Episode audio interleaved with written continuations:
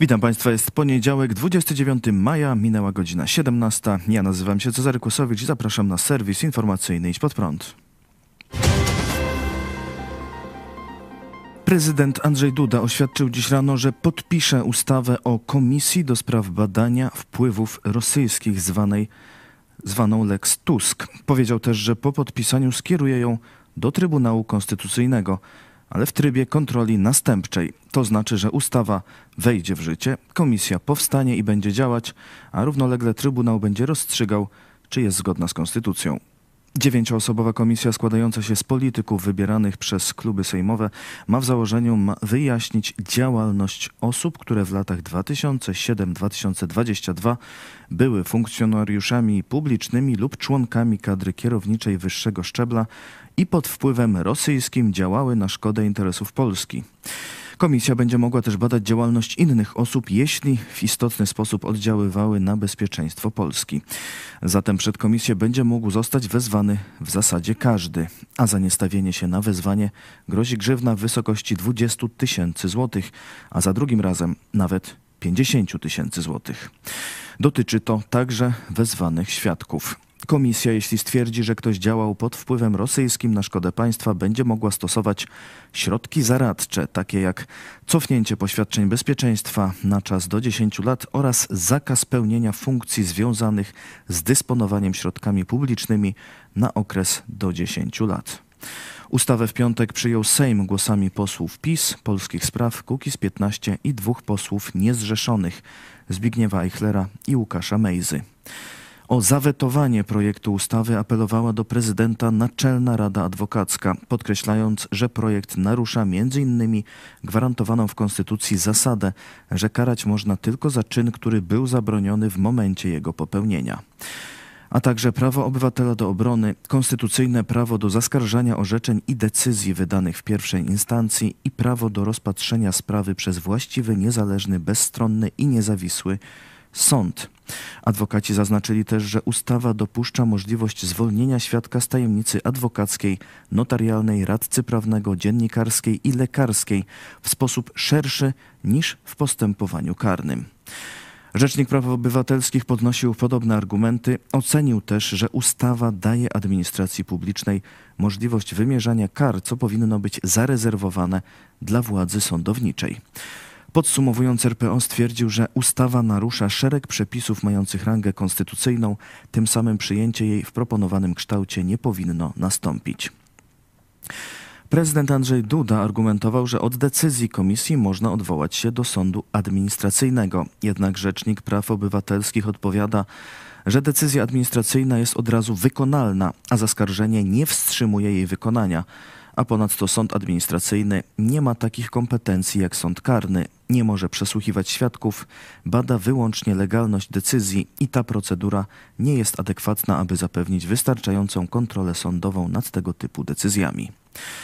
Opozycja zapowiada, że nie będzie brać udziału w pracach niekonstytucyjnej komisji. A jak wykorzystają PiS? Kto stanie przed komisją? Oto dziennikarze pytali w Sejmie wiceministra obrony Wojciecha Skurkiewicza. Ten odpowiedział: Moim zdaniem również powinno stanąć przed tą komisją wielu dziennikarzy, ci, którzy mają również w swojej działalności pewnego rodzaju naleciałości prorosyjskie, między innymi tacy dziennikarze, którzy współpracowali z takim portalem jak Telegraf. A stosunek Prawa i Sprawiedliwości do dziennikarzy dobrze obrazują ostatnie wypowiedzi szefa PiS i szefa rządu. W sobotę Jarosław Kaczyński, pytany przez dziennikarza stacji TVN24 o zaufanie do ministra Błaszczaka po incydencie z rosyjską rakietą pod Bydgoszczą, powiedział tak. Mikrofon jest wyłączony, panie redaktorze, także proszę nie krzyczeć. Dziękuję serdecznie państwu za uwagę. Dziękuję. Do zobaczenia. Ale ja mogę odpowiedzieć.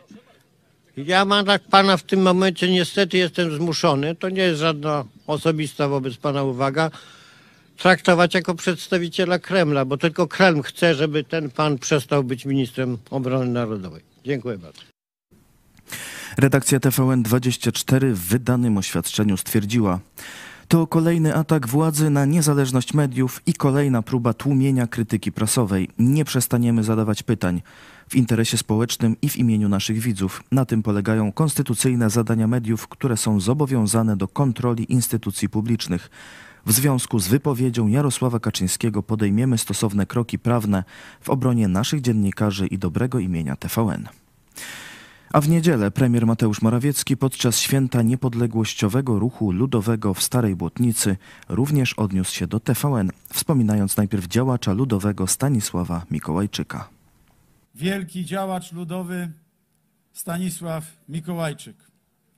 I to właśnie jemu zawdzięczamy tę słynną frazę, bo nie bał się powiedzieć wprost komunistom prosto w twarz, że wy plujecie na wszystko, co jeszcze wczoraj było święte. Plujecie na wszystko, co jeszcze wczoraj było święte. Czy to Państwu czegoś nie przypomina?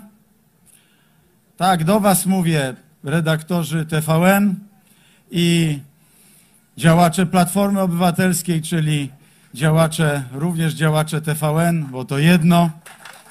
Nie, tu nie trzeba klaskać, to smutne w sumie bardzo. Plujecie na wszystko, co jeszcze wczoraj było święte.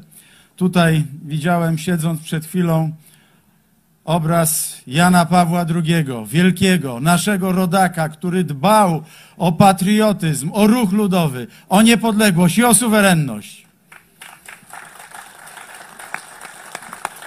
Zostawcie go w spokoju. To jest nasza świętość. W piątek Sejm przyjął także ustawę o lustracji w administracji. Ustawa przewiduje zakaz zatrudniania w służbie cywilnej oraz urzędach państwowych osób, które w latach od 1944 do 1990 pracowały lub pełniły służbę w organach bezpieczeństwa państwa bądź z nimi współpracowały. Ustawa uruchomi procedury sprawdzające wobec około 40 tysięcy osób i może skutkować zwolnieniem kilku tysięcy. Sejm odrzucił weto Senatu w tej sprawie, zatem ustawa trafi na biurko prezydenta. Sejm w piątek uchwalił też wiele innych ustaw, m.in. ustawę o laptopach dla czwartoklasistów, która mówi, że począwszy od najbliższego roku szkolnego uczniowie czwartych klas szkół podstawowych będą otrzymywać bezpłatne laptopy. Natomiast nauczyciele otrzymają bony na zakup laptopa o wartości do 2,5 tysiąca złotych.